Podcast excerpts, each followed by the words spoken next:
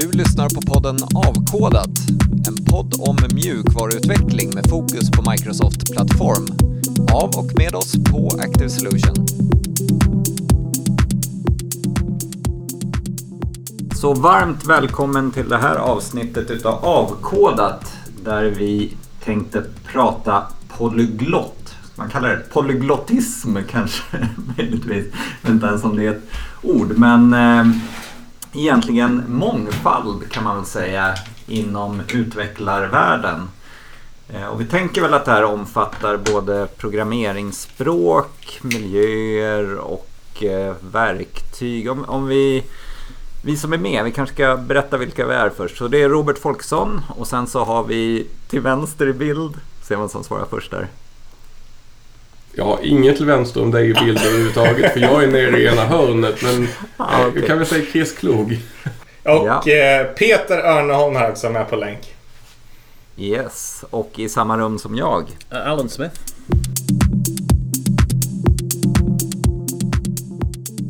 Så för de lyssnare som eh, redan är förvirrade och undrar polyglott, vad är det för någonting? Ska vi försöka enas om någon slags definition utav det ordet kanske?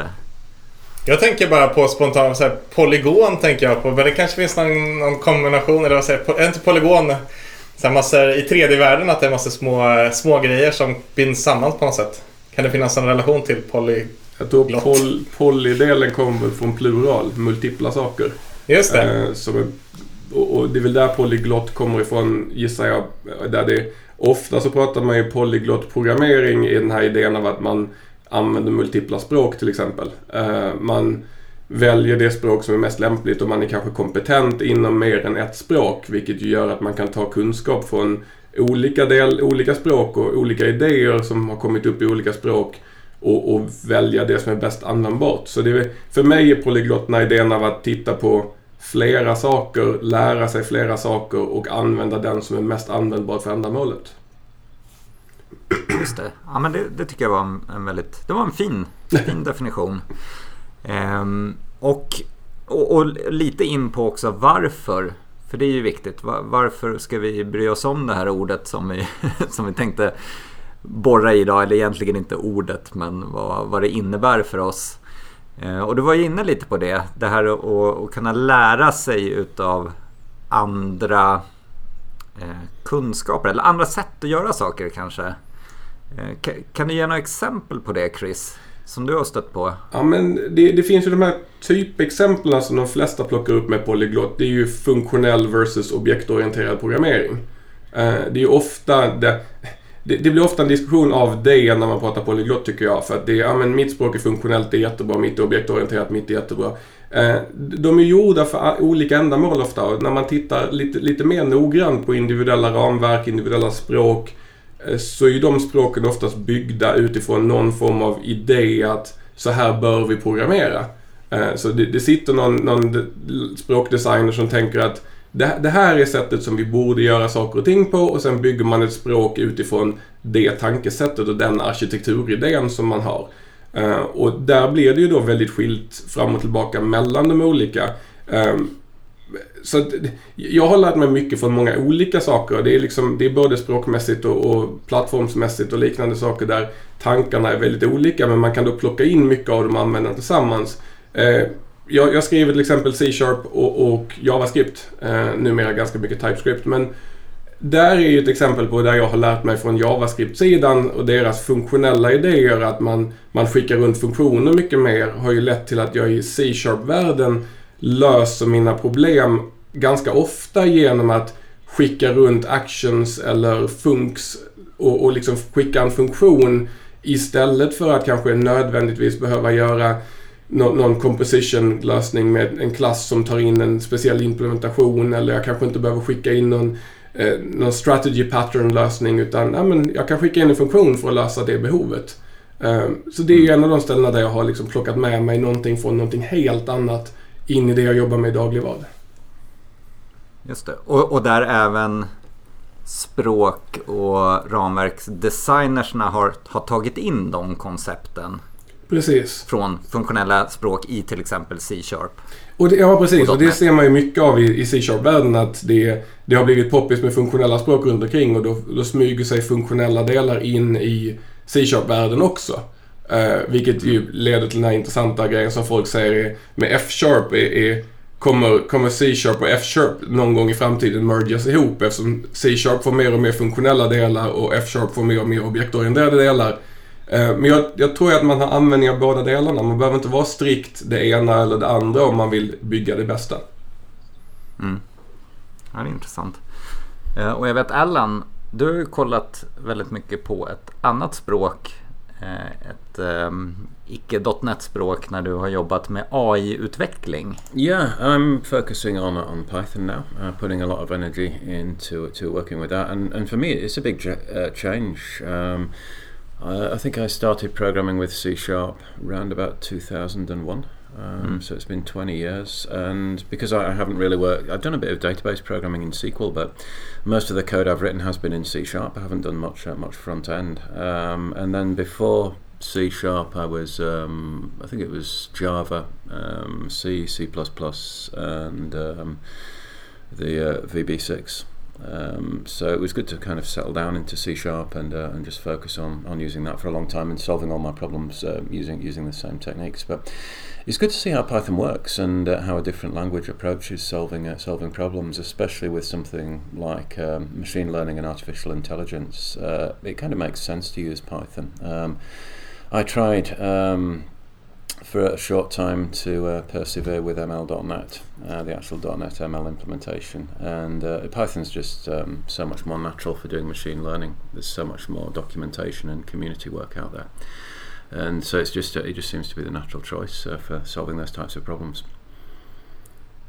Och också om man arbetar med till exempel Jupyter Notebooks så är, det ju Python som, som är de facto standard. Yeah, I think it is possible to use other languages in Jupyter Notebooks, but they're mostly used with, with Python. Uh, and that was interesting to actually use um, Python against uh, Cosmos DB in, uh, in a notebook in the Azure portal. Uh, and it's interesting to be able to uh, sort of see see that um, that language um, implementation implement, implementation there. Be able to leverage also the, the stuff like Matplotlib and Seaborn and all the graphing uh, libraries to be able to generate uh, you know, graphs and stuff off the data is uh, is very good to do in notebooks on Mm. Cosmos DB. It, I, I, I do want to highlight that they now do support C script sharp or whatever it's called, the, the C sharp scripting language in Jupyter note, notebooks as well. So you can actually use that, and it uses some of those graphing libraries as well under the hood, which is really cool. But I agree with with Alan here that when you start looking at data manipulation at scale, then then object-oriented languages are probably not the best choice, and, and Python seems to be the one that everybody chooses, and that's partly because I think it's been built a lot in that area. Uh, it, it's kind of been used there from the start, and that's coming back to what I said about languages being built for a specific reason. And I think Python was probably ha- has a, a large background in data manipulation and data maintenance, uh, and it just that's why you have all of the good features in there. Whereas C sharp didn't didn't come from that direction at all. Mm. Um, alltså, hoppa tillbaka till svenska här. Vi, det blir Ja, lite, just det. det. blir lite, Sorry. det blir lite, vi är polyglotta i, i det språket vi pratar i avkodat också.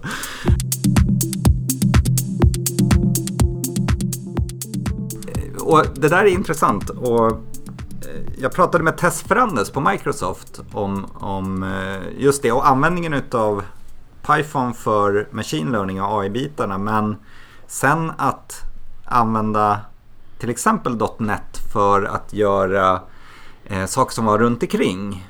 Som automatiseringen och, och dataskyfflande och sånt som behövdes för att få hela machine learning-processen att fungera. För där är det inte Python, det är inte där det glänser.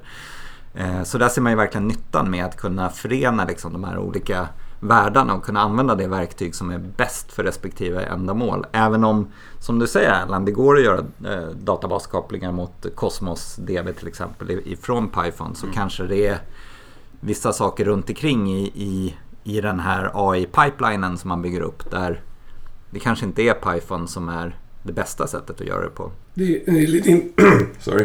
det är lite intressant. Jag har pratat mycket med Tess om, om det där. För jag har ju varit, träffat Tess kontinuerligt under hennes resa till, till Pythonland. Liksom. Uh, och det har varit intressant att höra henne. Men hon, hon har highlightat ett par intressanta aspekter kring polyglottdelen som jag har tagit med mig. Eh, bland annat så säger hon det när hon kom in i, i AI-världen och machine learning-delen med Python att de har missat hela mjukvarulivscykeln.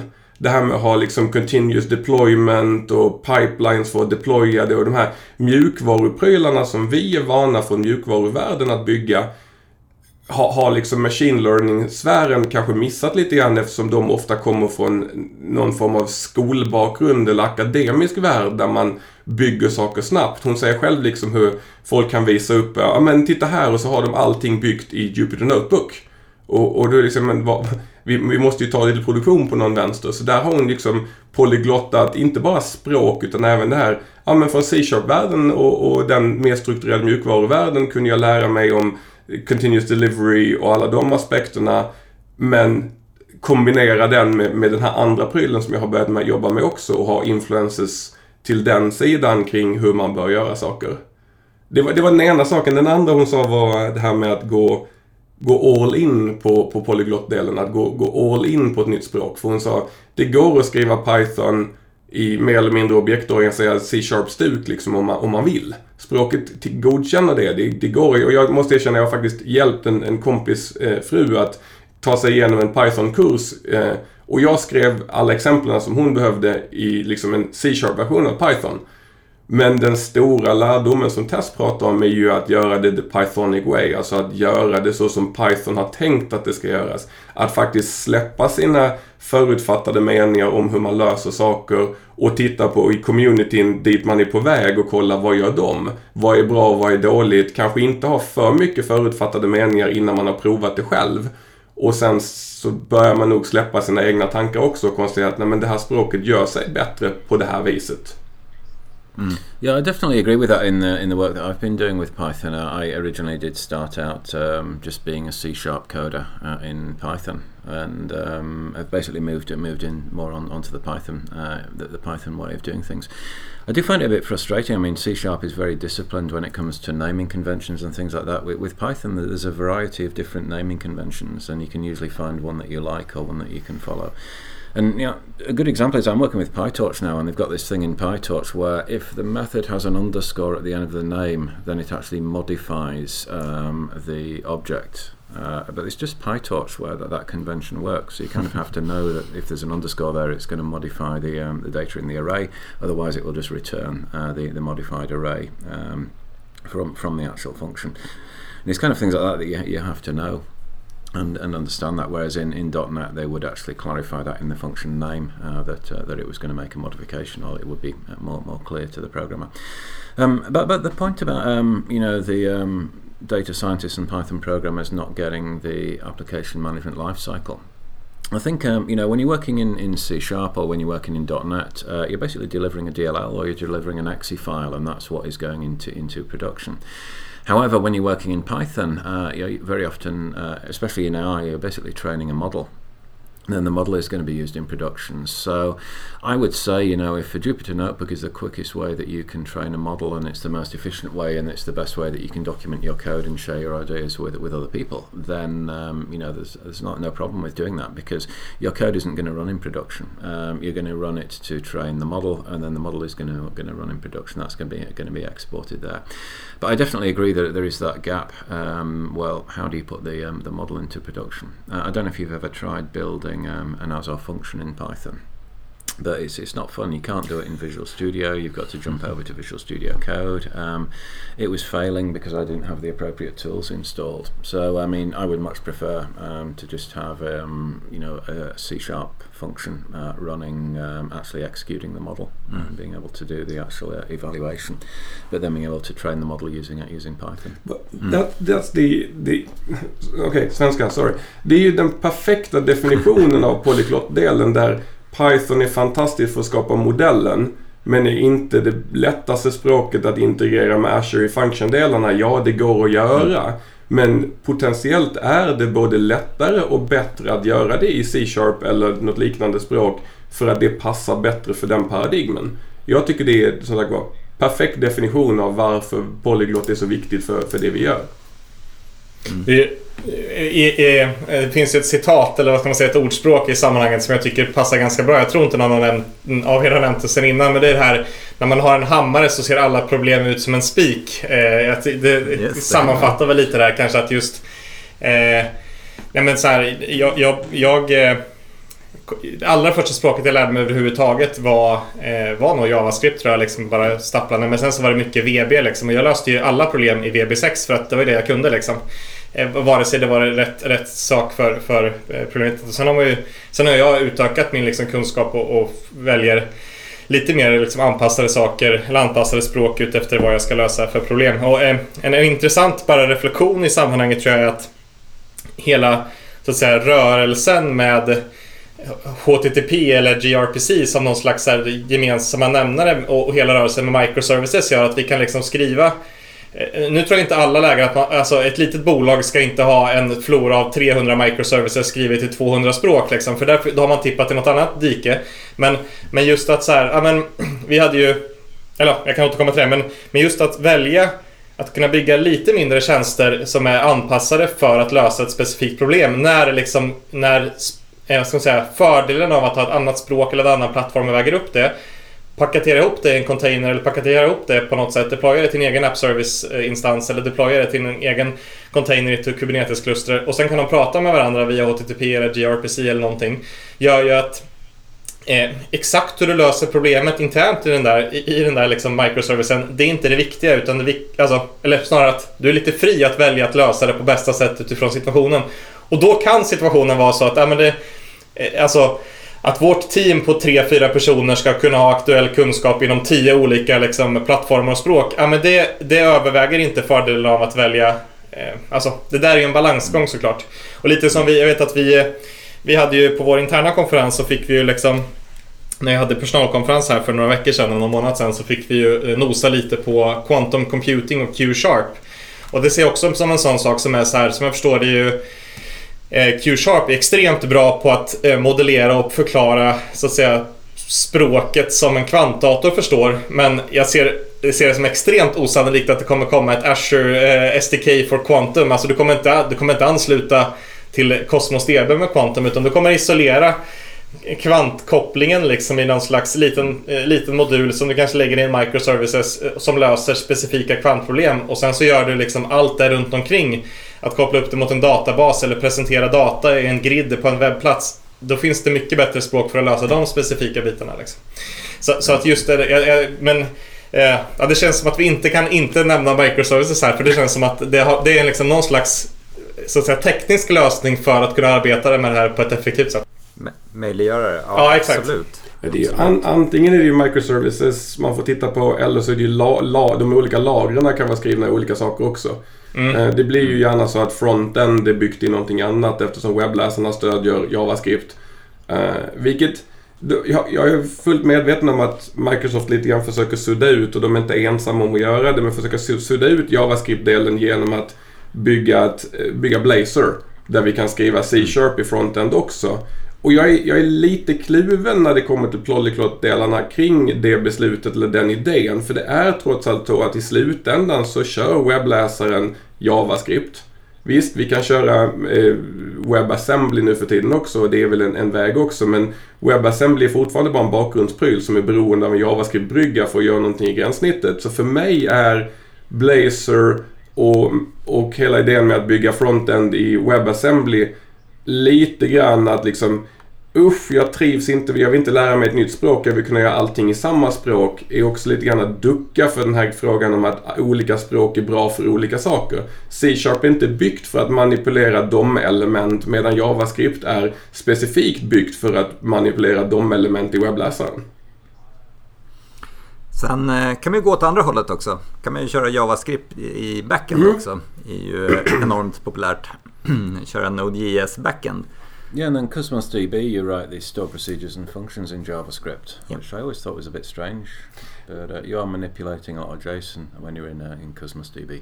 Och det, mm. det är ju ett väldigt valid användningsområde för JavaScript har en ofantligt bra integration med JSON eftersom JSON är JavaScript Object Notation.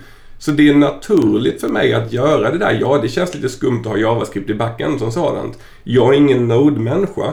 Men jag kan se vinsten av att det går snabbt att utveckla i. Det finns mycket bra grejer i JavaScript också. Däremot så har jag ju många som säger att oh, det är jättebra att JavaScript i backend för då kan vi dela objekt mellan frontend och backend. Och, och, då tror jag man har missat lite grann i arkitekturen om jag ska vara helt ärlig om jag ska vara sån. Men visst, en viss mängd återbruk kan man ju få mellan de två plattformarna. Framförallt mm. kanske kring validering och sådana här saker. Mm. Om det, alltså, så länge du inte har hemlig valideringslogik, vilket ju sällan är, så, så finns det ju en vinning i att kunna trigga den både alltså, eh, fronten och backen. Men där är, om man tänker Cosmos DB-fallet så hade det kanske så här eh, Det hade varit väldigt konstigt att trycka in T-SQL kanske som språket för hur du ska arbeta med Alltså för det är ju byggt för en annan, eh, en annan typ av datastruktur liksom och då är det ju mer mm. Eh, Som sagt som ni nämner så, så är det ju kanske det mest naturliga att använda JavaScript i, i, i när du eh, processar och arbetar med, med Cosmos DB-data. Men det, det är också en intressant liten fråga då som jag kan... Hur, hur gör vi med TypeScript och JavaScript? För TypeScript transpilerar ju till JavaScript, det är ju fine. Men JavaScript är per definition funktionellt eh, och har sina egna idéer och paradigm, en egen paradigm och ett eget sätt att jobba. TypeScript är i generellt sett klassificerat som ett objektorienterat språk i mångt och mycket som har väldigt stora likheter med C-sharp, även om det går att skriva det funktionellt också. Men om vi tittar på exempel och hur Microsoft marknadsför TypeScript så är det objektorienterat. Hur, hur gör vi då med det här med att gå all in på ett nytt språk? Om jag ska börja med TypeScript, ska jag gå all in på TypeScript objektorienterat? Eller ska jag acceptera att det är JavaScript under huven och gå all in på att JavaScript är funktionellt till exempel? Det är, det är en intressant situation också. Mm. Ja, det finns en liten eh, dissonans mm. däremellan. Helt klart. Och frågan är om man kanske inte måste leva med den ändå.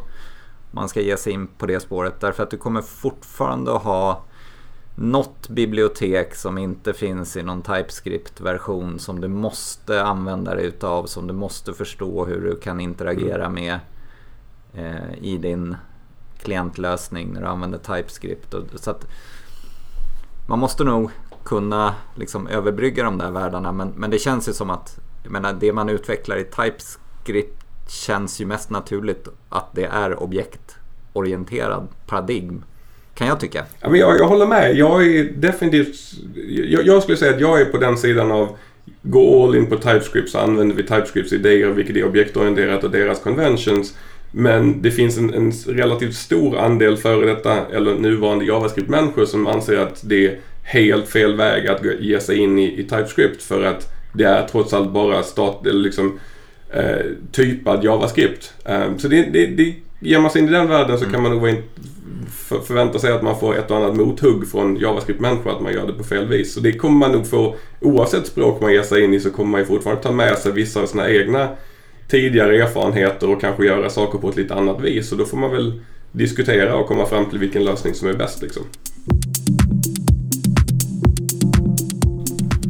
Nu, nu kom jag på en, eh, det här var en perfekt eh, segway nämligen till, till en sak som jag tänkte på. Det var eh, både JavaScript, eh, om man använder Node och eh, C-sharp eh, har ju sätt att hantera asynkrona anrop som gör att det, det, det blir ganska komplext mm. i sin programstruktur och man smittas av den här antingen Futures Promise sjukan eller man smittas av Awaita eh, Sync-sjukan som liksom tar över hela ens kodbas. Från det att man måste utnyttja något eh, basbibliotek som finns i, eh, i ett ramverk eller något annat bibliotek till liksom all smittar av sig på all ens egen kod.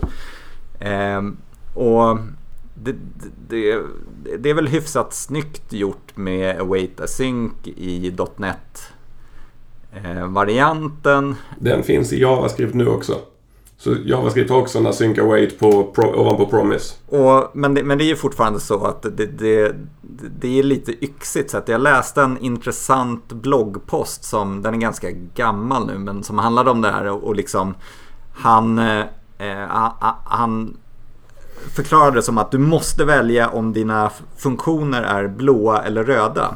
Och om, dina om du gör en röd funktion, då måste alla funktioner som anropar den röda funktionen också vara röda. Och så liksom utgick han från det som ett exempel på att förklara det här. Eh, men han tog också upp ett exempel på ett språk som inte har det. Som jag vet att du har kikat lite grann på Chris, som är Go. Mm. För att där sköts allting automatiskt utav trådning Ja. i bakgrunden. Så att, eller hur? Det finns inget async await i... Nej, jag har, ju, jag har jobbat väldigt lite med Go om jag ska vara helt ärlig. Men det är någon sån här streambaserad lösning med Go Routines och, och grejer som hanterade på ett helt annat vis än C-sharp-världen. Eh, vilket är ganska spännande. Det var definitivt en, nu, nu var det tyvärr rätt länge sedan jag var där och pillade. Jag tittade på det för Kubernetes-prylar och skrev lite små saker. Men det var, det, det var en av de här eye-opening språken som jag har tittat på. För de har verkligen löst allting på så väldigt annorlunda vis. För C-sharp och, och TypeScript slash JavaScript har ju som du säger löst async await med async await. Medan Go har ju valt att göra en helt annan lösning. Baserat lite grann på vad de vill göra och hur de fungerar. Liksom det språket är riktat mot någonting annat. Vilket är typ huvudanledningen att jag tittade på, på Go överhuvudtaget är ju det faktum att de är mycket närmare metallen än vad C-sharp är. Det finns ingen runtime som kör allting utan de är, man, man bygger en exe liksom eller en, en executable som kan exekvera på en speciell CPU-plattform. Vilket ju är sjukt ballt i Kubernetes-världen där man kan bygga images som är liksom 3, 4, 5 meg stora istället för att i C-sharp-världen där en .NET Core image trots allt är 300 meg liksom. Um, och, men men det, jag tror också det är anledningen till att man ser en helt annan trådhantering där. Det är nämligen så här att i C-sharp anledningen att vi har async await är för att det ligger prylar under huven som abstraherar bort det faktum att det är trådar och completion ports och liknande saker i operativet som sköter det. Är man närmare metallen så som i Go så innebär det att man kommer ju få mer av operativsystemets funktioner synliga, liksom deras sätt att lösa det. Jag tror att Go hade utan tvekan kunnat lösa det på, ett, på ett, en högre abstraktionsnivå med kostnaden av storlek och ineffektivitet och så liknande saker som man har valt i C-sharp-världen att helt enkelt acceptera. Men jag är fel person till att frå- fråga hur det, hur det funkar riktigt i Go. Men ja, de, har sin idé med, med Go-routines tror jag de heter. Där de, man skickar iväg dem till metoder som är asynkrona som man sen kan få svar ifrån. Och man kan liksom, det, är fortfarande förståeligt även om man är C-sharp-utvecklare. Men det är ett, annat sätt att skriva det på. Och jag är kluven för jag måste erkänna att jag tycker att JavaScripts Promises-lösning är faktiskt ganska trevlig jämfört med med C-sharps eh, version av att lösa. Nu, visst, med async await så funkar det helt okej. Men, men hela tasks är inte, känns av någon anledning inte riktigt lika smidiga som promises. Så jag tycker syntaxen i promises är ganska nice också som sådant. Men det är väl kanske för att man är färgad av att ha suttit mer med det. I C-sharp känns det mest som att, ja men, oj, nu var det ytterligare en sån här metod jag behöver skriva await framför. Och så bryr man sig inte så mycket. Och jag tror att det är kanske lite grann ett problem och det är att med det här med att lära sig ett språk ordentligt eller liksom gå verkligen anamma ett språk. Jag har bara plockat upp async await och så slänger man på det lite grann här och där. Eh, och sen så inser man att det är rätt komplexa prylar och det är så saker... Tills Visual Studio slutar klaga. Lite, lite grann så. Visual Studio sätter en squiggly line, men kolla, await. Um, och, och sen är det så här, men configure await false och en massa sådana här saker är ju så, så, man behöver egentligen förstå vad som händer under huven tror jag att många av oss missar, vilket kostar oss en del. Och en, en annan sida av det genom att göra det väldigt lätt med async await till exempel så har vi ju eh, flyttat flaskhalsar. Vi gör allting i vår kod async await och async lite snyggt och enkelt och kan ta emot fler och fler frågor från, för webbservern kan liksom asynka alltihopa. Men istället så petar vi ner allting i databasen och flaskhalsen blir att databasen nu istället får en miljon requests istället för att webbservern har, har throttlat i början. Uh, så att ja, vi ska inte prata sync await allt för mycket. Jag tänkte bara säga det, det här med att det, det var sidospår, sorry. Uh, att lära sig async wait ordentligt är, kommer tillbaka till den här polyglott-grejen att faktiskt förstå, läs, läsa in sig på sitt språk och tänka varför funkar det så här och hur funkar det på riktigt? För koncepten är ganska lika med olika språk, det är bara olika sätt att göra det på och då måste man också förstå vilka begränsningar och vilka fördelar som finns med deras sätt att göra det. Där kan jag ta ett, eller ett, utan att outa ett specifikt projekt så har jag sett, eh, sett en del liksom så här, API-wrappers. Eh, så här, men vi, hej, vi är ett företag som har byggt ett API och så har vi byggt en wrapper kring den och så är det så tydligt att se så här, det här är ett företag, alltså här, kika på källkoden till exempel för ett C-sharp, eh, ett C-sharp-projekt som rappar ett HTTP-API.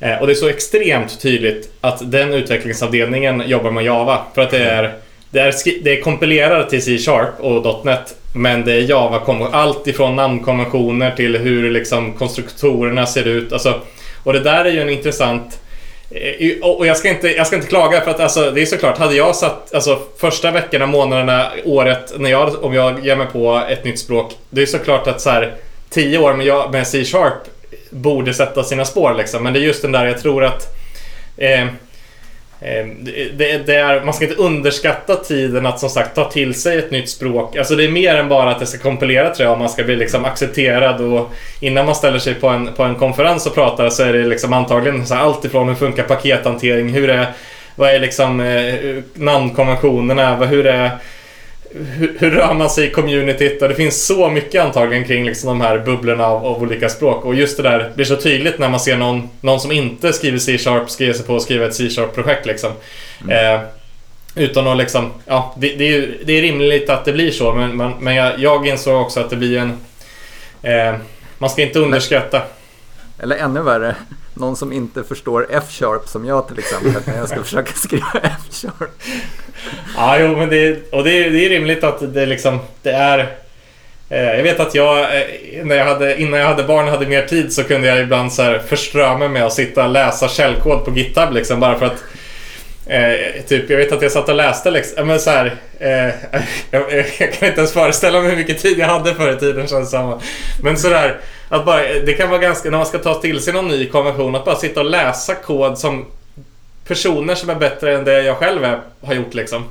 Mm. Eh, och, och, såklart skriva mycket, man måste ju komma till kritan och skriva också, men att, att läsa och bara förstå och så här men aha, vad är det här för konvention? Jag, vet, mycket, jag läste väldigt mycket JavaScript liksom för att hitta såna här konstiga men dubbel utropstecken. Så här, varför gör man det? Typ, ja, men så här, saker som säger det här känns inte naturligt liksom. Och så skriver jag upp en lista på saker jag vill lära mig mer om och så lärde man. Alltså det där.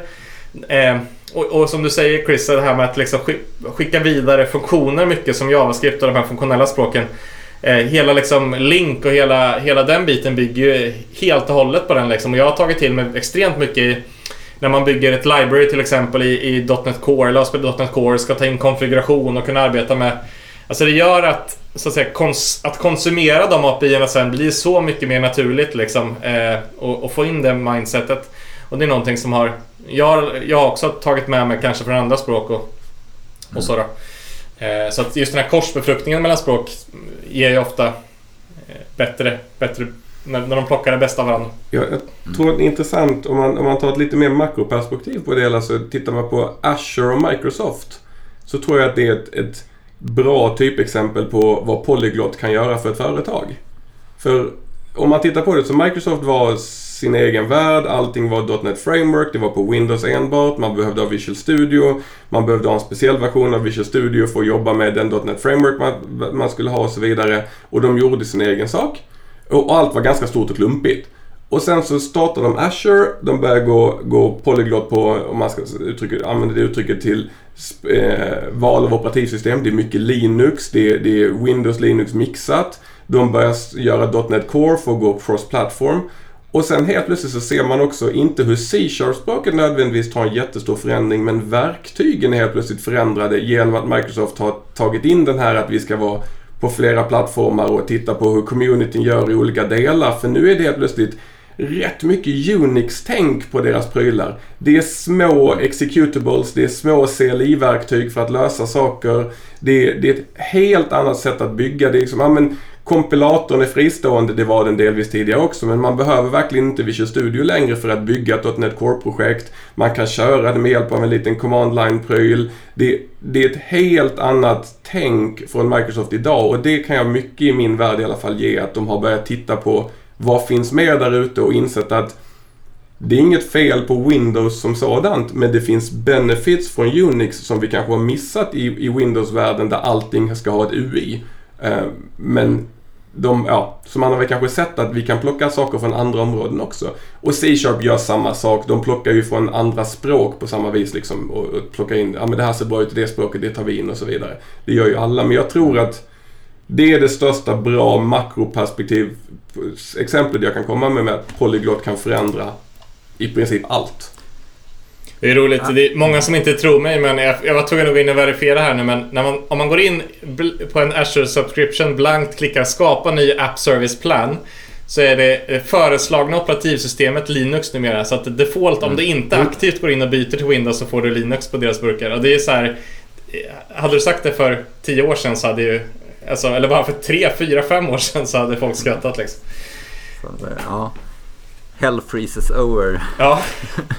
Men nej precis och det, och det är intressant hur det de senaste åren har, har blivit helt naturligt att som liksom default första val om man kör en apps, app service i, i Azure precis som du säger att, att köra Linux på den med .NET Core.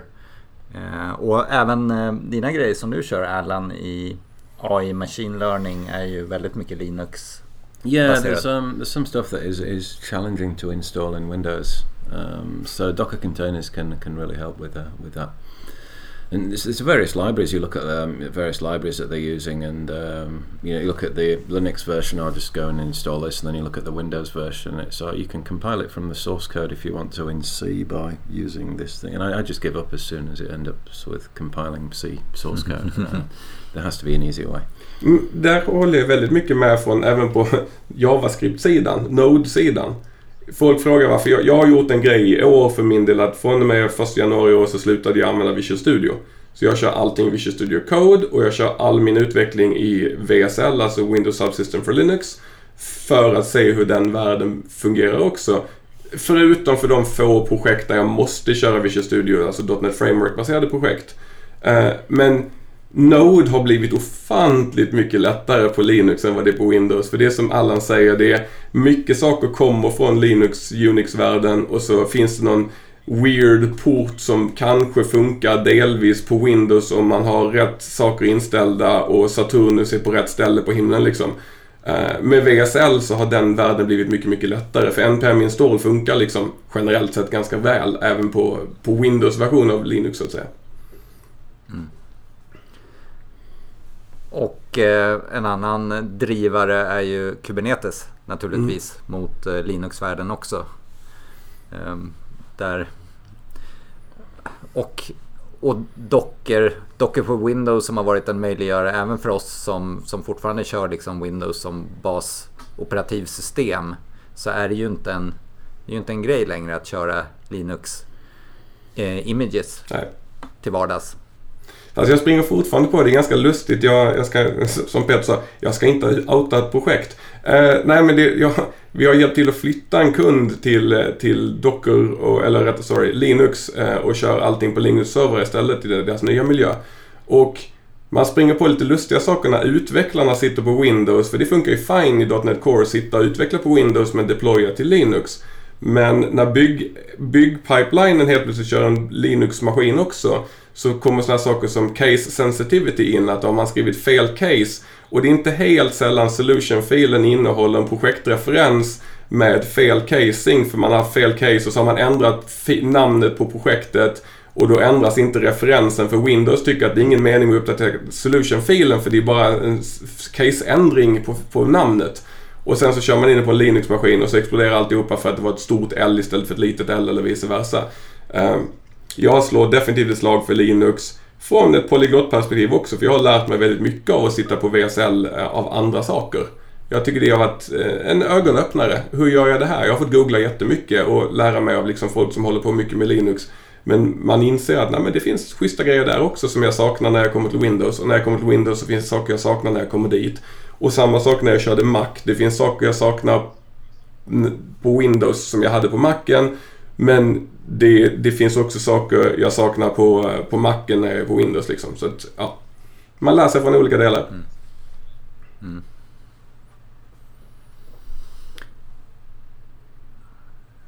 Har vi, har vi tömt ut ämnet? Polyglott, polyglottism om det är ett ord. Ja, men jag tror jag täckt rätt mycket av det. Jag tror bara sagt jag tror att huvudgrejen är väl som jag ville få fram när jag föreslog att vi skulle prata i polyglott också var väl att var, var, inte rädd för att titta på andra saker. Det finns saker att lära sig från andra sidan staketet också. Uh, och det enda sättet att göra det är att dy dyka in i det på riktigt och verkligen titta på hur det funkar och acceptera allting. Och sen inte bara titta som sagt på polyglot som flera olika språk utan polyglot som flera olika plattformar eller flera olika tekniker. Och det, vi pratade om det innan Robert, innan avsnittet också, att polyglot för mig innebär till exempel också sådana saker som Uh, GitHub, pipe, uh, GitHub Actions versus DevOps Pipelines till exempel. Uh, det, det, är ju det är inte polyglott i någon klassisk version liksom, men det är fortfarande lösa samma sak på flera olika sätt kan ge en liksom, inspiration kring hur man gör det bäst. Liksom. Mm, eller Helmchart som är ja. något helt annat. Som ändå gör exakt samma sak, precis. Det är, det är tre, ja. Tre väldigt, eller två väldigt olika sätt att göra saker och ting på. För mm. GitHub Actions och DevOps Pipelines är ganska lika. Men sen Helm Charts är väldigt separat men de löser fortfarande exakt samma problem på två helt olika vis. Ja. ja. Och Right Click Publish um, är ju ett, ett, ett annat sätt som vi inte ska prata om.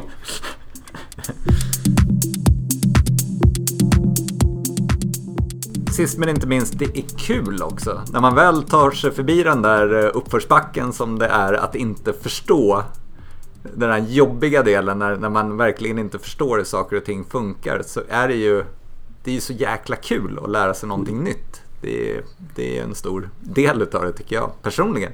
Nej men jag håller med. Det här när jag gav mig in på att skriva Go. Det var, det var, jag har ingen användning av Go som sådant eh, direkt. Men att det skulle vara intressant för Kubernetes-sidan.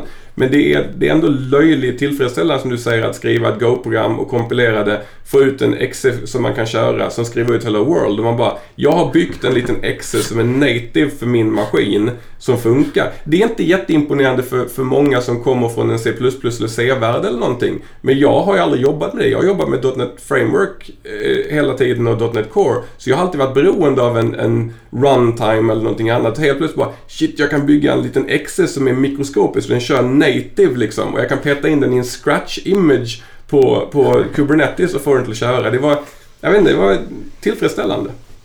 Det är, jag, jag får alltså känslan lite som när jag var 11 år och, sprang in till mina föräldrar och bara Jag har lyckats skapa en pop-up i JavaScript. alltså, så här, just att man så här, man är imponerad, eller alltså även att jag nu vet teoretiskt sett att såklart det här kan jag reda ut så är det ändå tillfredsställelsen inombords när man liksom lyckas lösa någonting i ett nytt språk eller någonting sånt där är ändå eh, ja, berikande.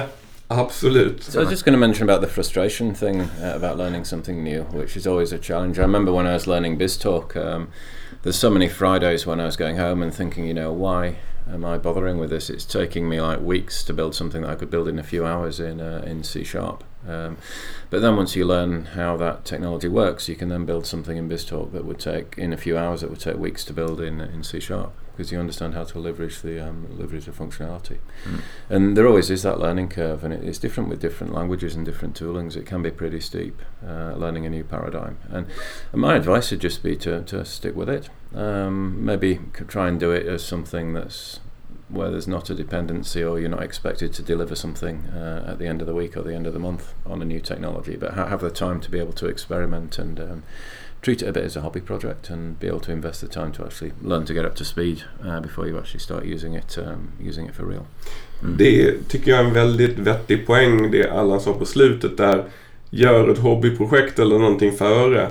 Jag skulle ju inte rekommendera att man gör ett kundprojekt som sitt första projekt i en, en, ett nytt språk eller en, någon ny pryl. För det, det blir sällan bra första gången. Uh, jag kan säga att det blir sällan bra tionde gången heller men det blir åtminstone bättre än första gången. Uh, så snälla för allt i världen, gå inte och sälj uh, ett Go-projekt till en kund innan ni har provat Go bara för att det verkar kul. Det är ganska olämpligt. Nej, och ja, rätt oetiskt också. Ja, dessutom. Men det kan ju finnas rd projekt naturligtvis ja. där alla är införstådda med att eh, det är precis just det, ett rd projekt Absolut. Det är ju en annan sak. Nej, jag satt och luskade efter något skämt kring att man har fått go från kunden men jag är riktigt... Åh, oh, det är Göteborgshumor. Nej, det är, jag, jag ska inte ens försöka. Eller pappahumorn. Ja, exakt. Ja, ja äh, men... Um... Ska vi låta det outsagda skämtet vara, av, avrundningen på dagens avsnitt av Avkodat? Det tycker jag vi kan köra på. Alright. Tack för att du har lyssnat. Vi hörs snart igen. Ha det bra! Hej hej! Hej! Thank you.